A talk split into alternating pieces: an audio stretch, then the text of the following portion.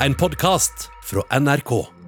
En varm sommerdag i 1988 skjedde det noe som skulle få foreldre over hele landet til å kvie seg for å la barna leke ute aleine. Midt på lyse dagen forsvinner ni år gamle Therese sporløst fra hjemmet sitt på Fjell i Drammen. Og det som fulgte, var den største etterforskningen Norge hadde sett på den tida. Likevel klarte man aldri å finne Therese. Og 32 år seinere er saken fortsatt et mysterium. Men i en ny dokumentarserie på NRK har man gått grundig gjennom saken. Og der kommer det nye opplysninger som filmskaperne håper kan gi flere svar.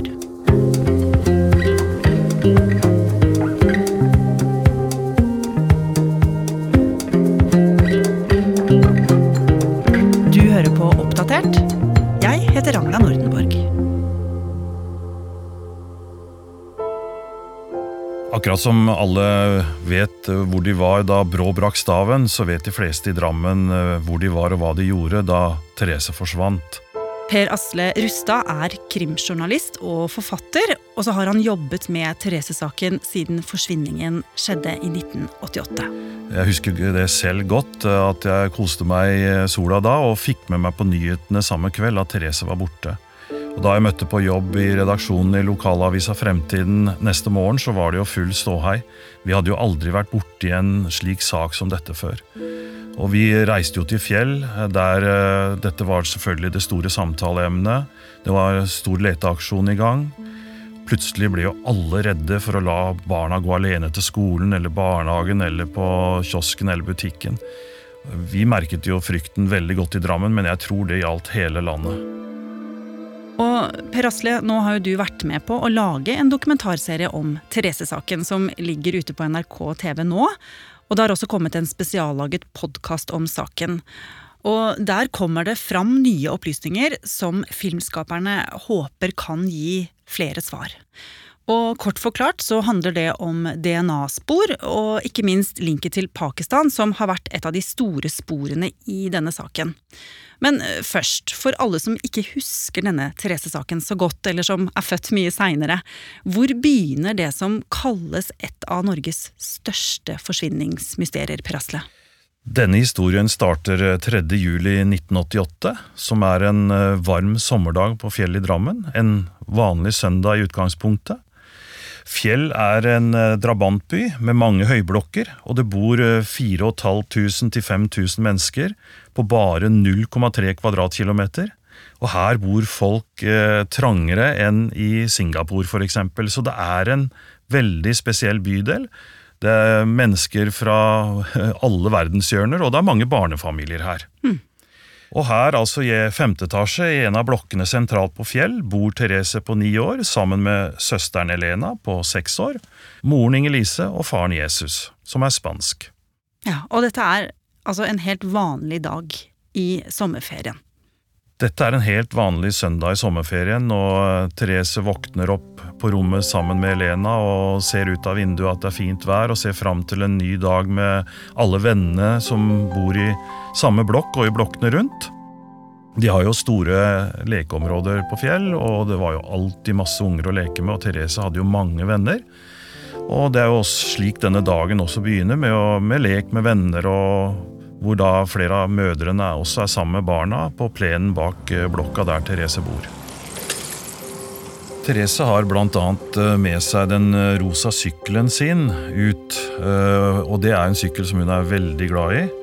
Og hun og lillesøster Elena de, de henger stort sett sammen hele tiden.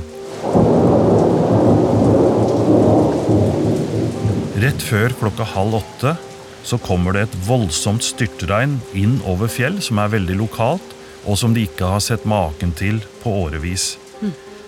Akkurat da styrtregnet står på som verst, så befinner Therese og vennene hennes seg inne i oppgangen i blokka i Lauritz Hervigsvei 74A. De er litt på trappa, litt inn i gangen. Men de ønsker ikke å gå inn. Derfor så ringer Therese på callingen opp til moren og spør om ikke moren kan komme ned med paraplyer til henne og søsteren. Og det gjør Inger-Lise. Hun tar heisen ned med paraplyen og snakker da med barna ute på trappa ca. klokka 19.30. og sier at dere kan være ute litt til, men dere må snart inn. Og så tar hun heisen opp i leiligheten igjen. Men eh, det hun da ikke vet, selvsagt, er at det var siste gangen hun så og snakket med Therese. Litt senere så kommer lillesøster Elena opp i leiligheten til eh, moren og spør om hun ikke kan få lov å få noe penger og gå i kiosken. For det var flere av vennene da som skulle en tur i kiosken igjen. De gikk jo opp og ned til denne kiosken mange ganger hver eneste dag og handlet til seg sjøl og til mange andre voksne også, og tjente jo litt på det. da. Så sier, Tere, sier Inger-Lise at ok, det er greit. Eh, hun lurer samtidig på om hvor Therese er, og da sier Elena at eh, nei, Therese har ikke lyst til å være med.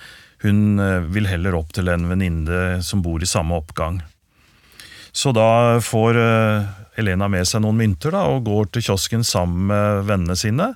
Og denne kioskturen følger Inger-Lise veldig nøye med på, da. For hun bor slik at hun har oversyn med begge sidene av blokka, så hun følger den lille ungeflokken på den turen som går opp til kiosken og, og tilbake igjen. Og um, da eh, Elena kommer tilbake igjen, så spør jo moren hvor Therese er hen, og da mener jo Elena at hun har gått opp til denne venninnen. Men det viser seg da å ikke stemme. Og første gangen moren aner uråd, det er da hun tar heisen fra vaskekjelleren opp til leiligheten. På veien der så ser hun gjennom glassvinduet i heisen at sykkelen og paraplyen til Therese står inne i oppgangen. Og det syns moren er veldig rart, fordi Therese er veldig glad i sykkelen sin. Og alltid veldig nøye med at den ikke skal stå parkert noe sted. Og når den ikke er i bruk, så blir den alltid tatt med opp i leiligheten. Slik at hun er trygg på at ingen tar sykkelen sin. Så derfor reagerer moren på dette. Hun var jo ikke sånn som satte fra seg sykkelen sånn. Vi hadde den alltid oppe på verandaen. Og paraplyen var jo tørr. Og her hører vi jo moren til Therese selv beskrive det som skjedde, eh, i et klipp fra dokumentaren. Og hva er det hun gjør videre? Moren eh, tar med seg klesvasken opp i leiligheten og henger den opp.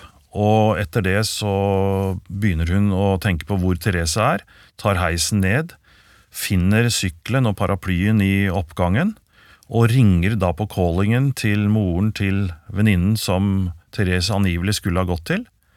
Og denne venninnen sier at nei, Therese er ikke her, hun har ikke ringt på her eller kommet hit i det hele tatt.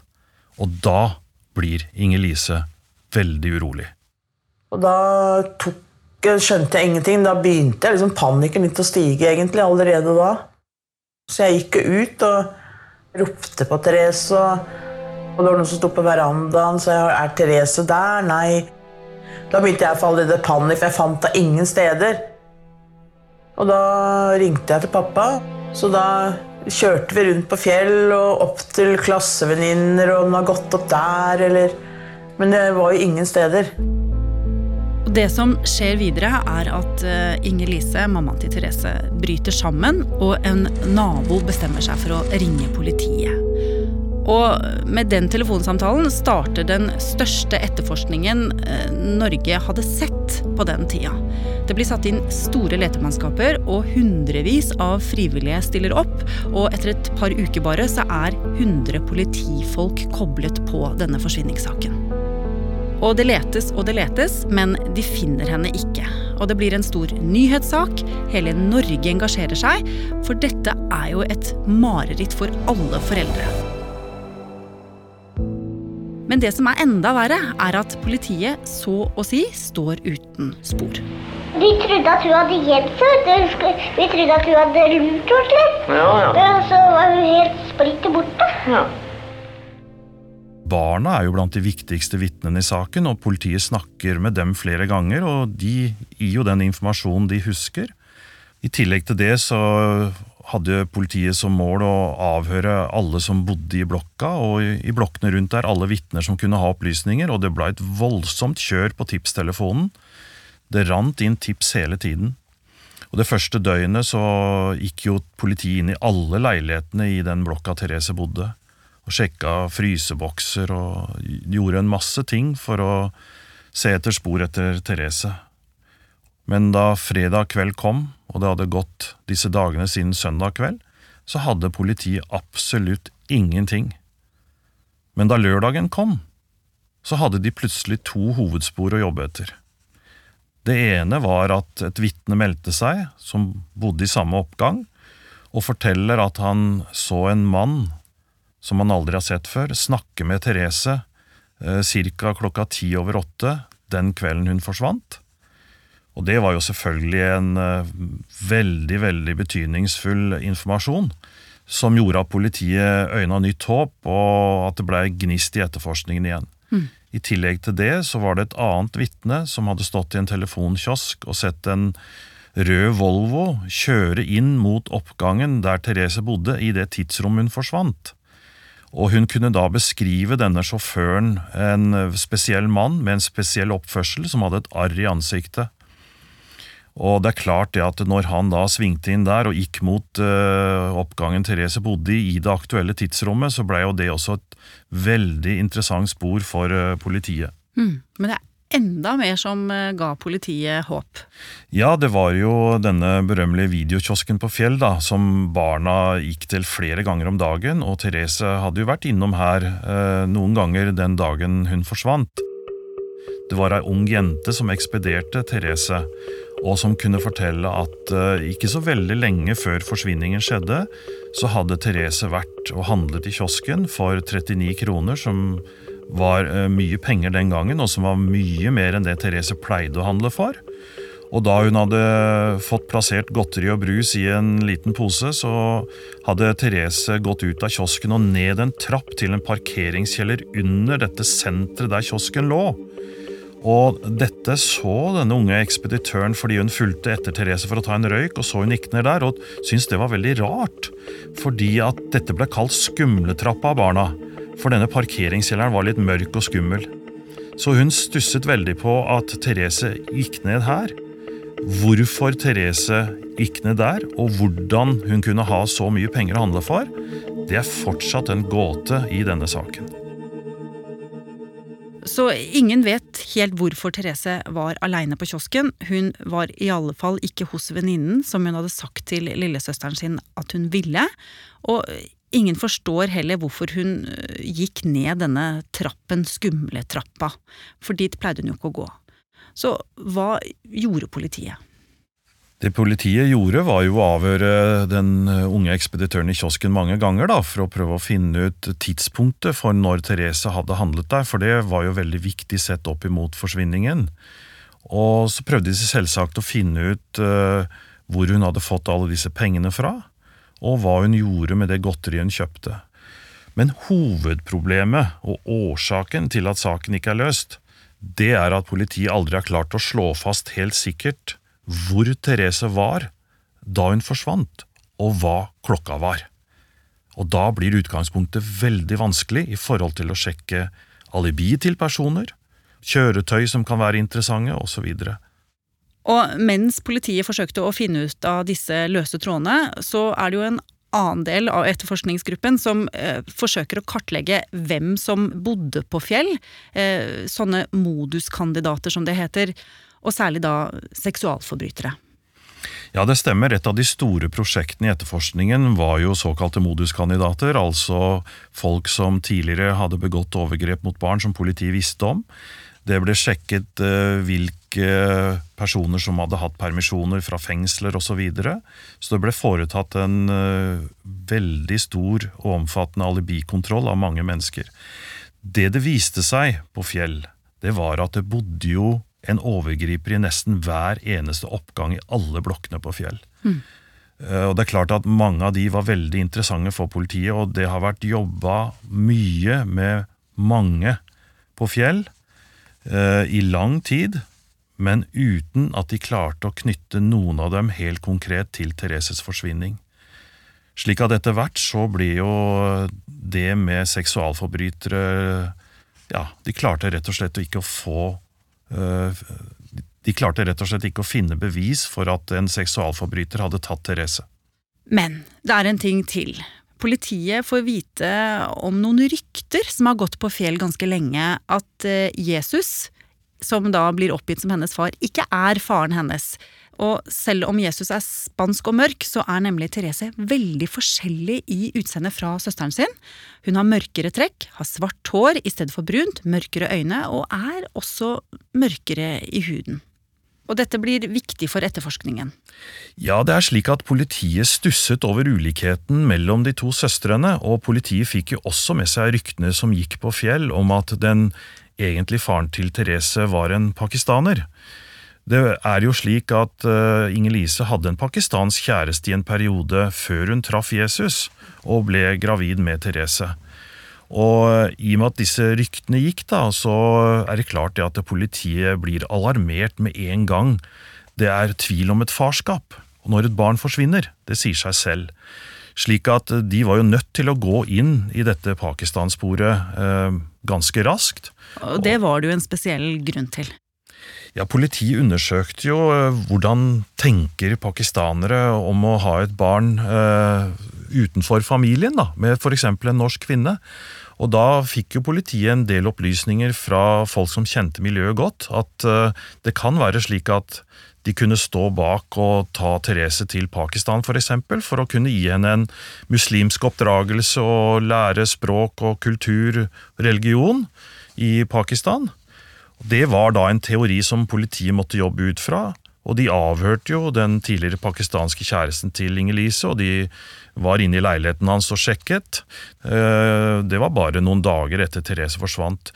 De avhørte personer i omgangskretsen og venner osv. Og, så og samlet mye informasjon, men uten at de kom noe videre med det sporet den gangen i 1988. Så Pakistan-sporet blir lagt dødt i 1989, men eh, litt over et år senere, sommeren 1990, så blir eh, Pakistan-sporet satt i gang igjen, med en gruppe etterforskere fra Drammen og Kripos som mente det var for mange løse tråder som de måtte finne mer ut av. Og i forbindelse med det så gjorde politiet et interessant funn.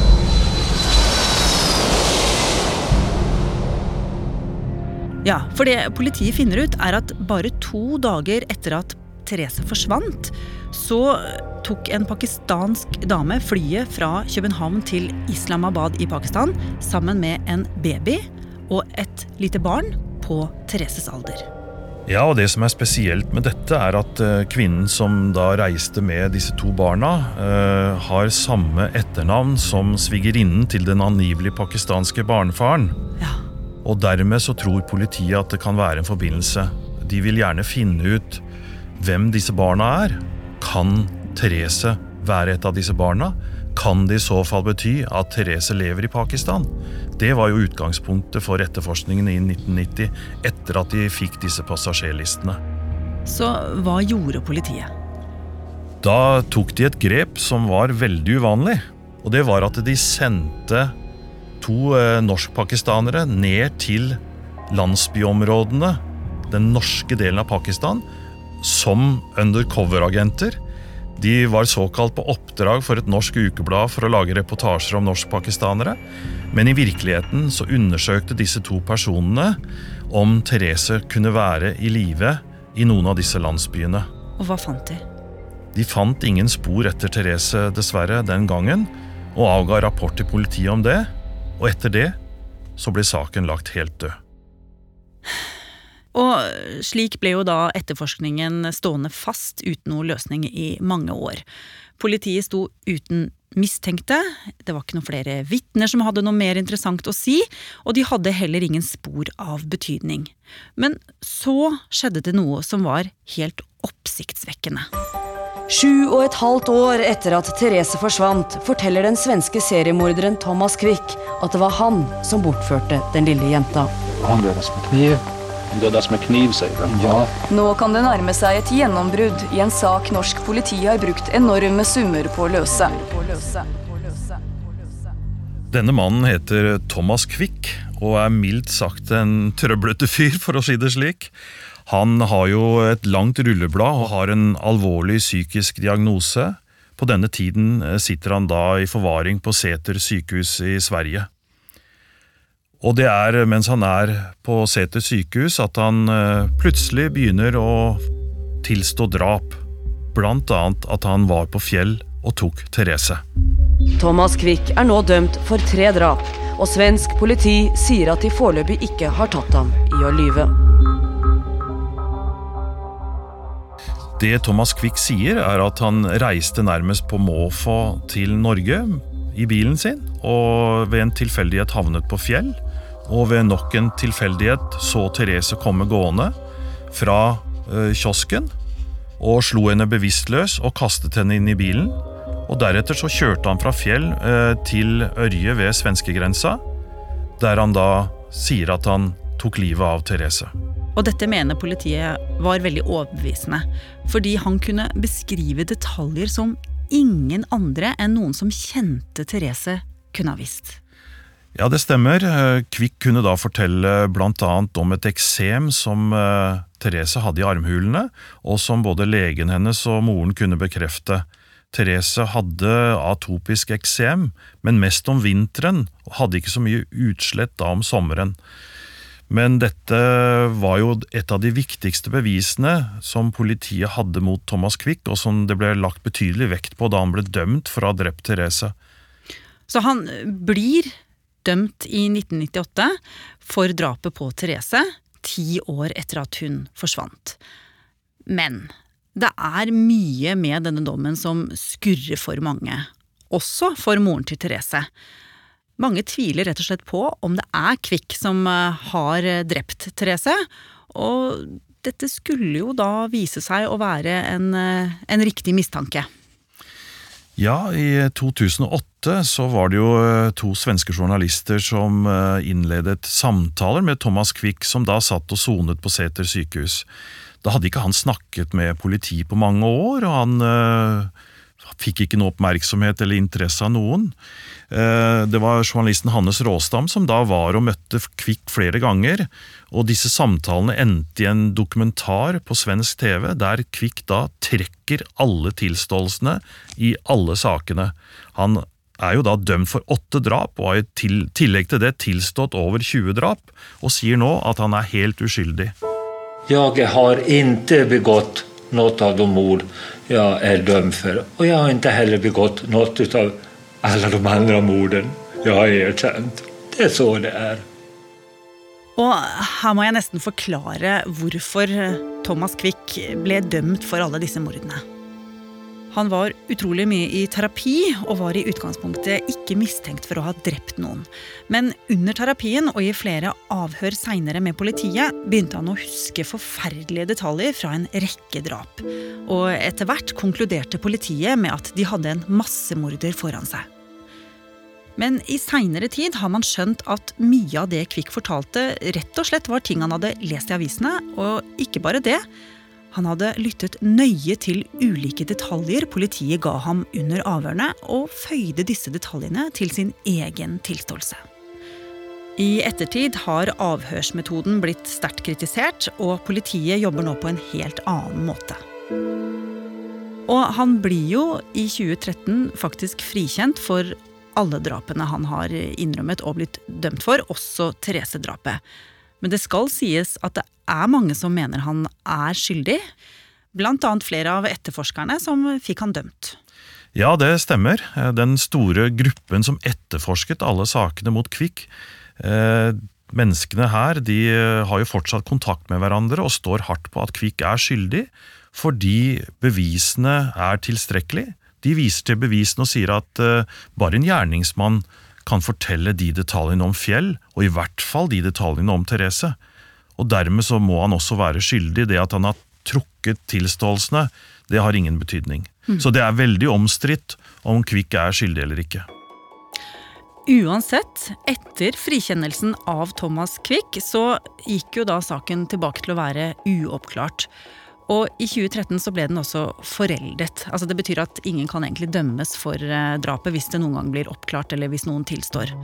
Men for tre år siden så bestemte Cold Case-gruppa seg for å se på saken. Altså politiets kalde spor-gruppe. Og nå, 32 år etter forsvinningen, så har det kommet nye opplysninger i saken, Per Asle.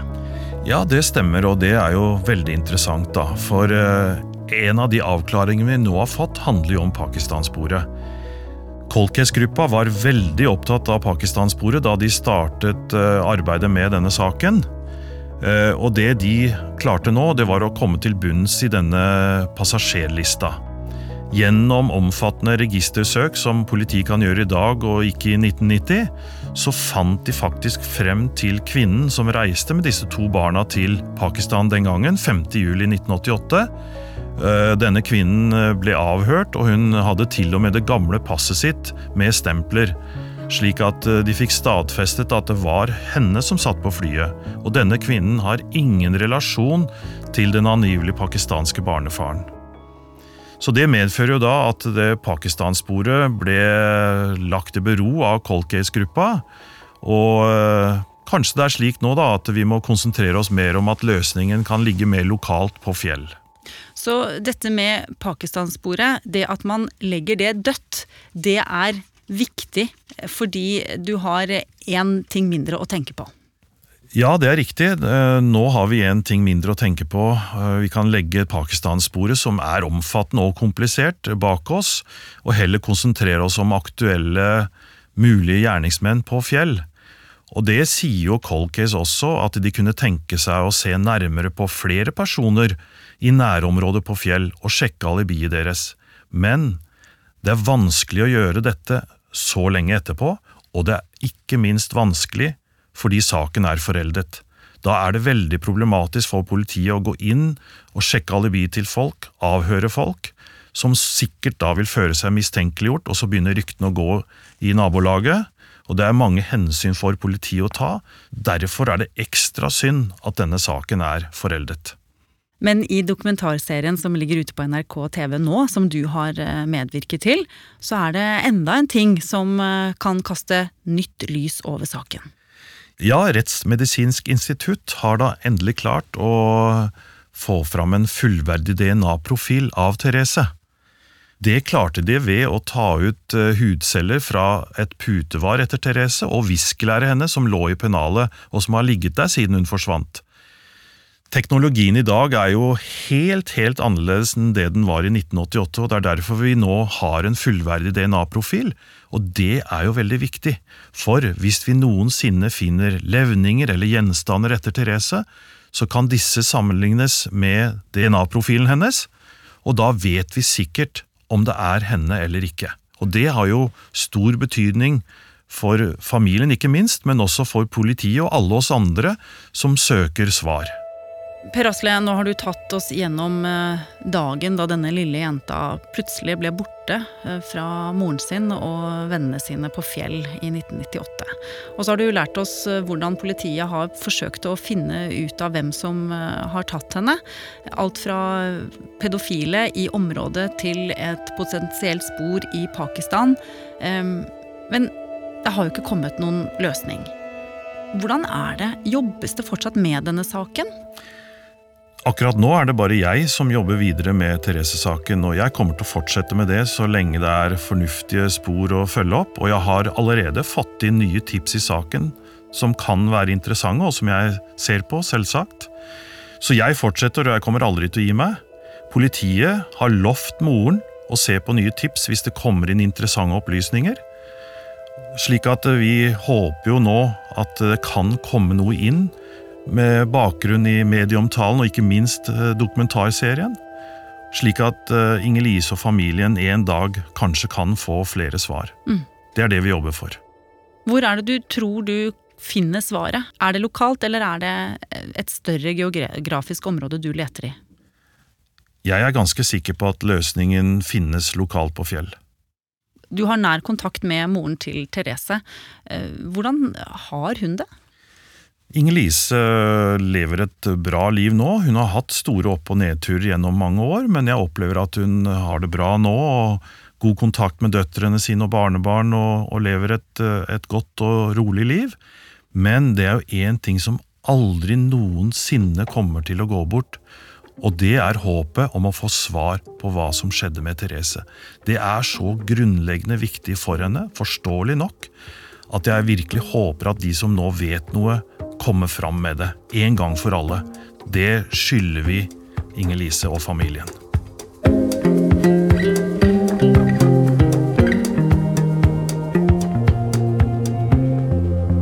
Har du lyst til å bli fast lytter av oss i Oppdatert og få påminnelse om nye episoder, så er det bare å abonnere på oss i NRK radioappen. Og så er det veldig hyggelig hvis du vil anbefale oss til en venn. Oppdatert er en podkast fra NRK Nyheter, og denne episoden er laget av Ina Rønneberg Swan, Petter Sommer og meg, Ragna Nordenborg. Eva Midthun Leira er redaksjonssjef. Vil du kontakte oss, gjør gjerne det på oppdatert alfakrøll nrk.no.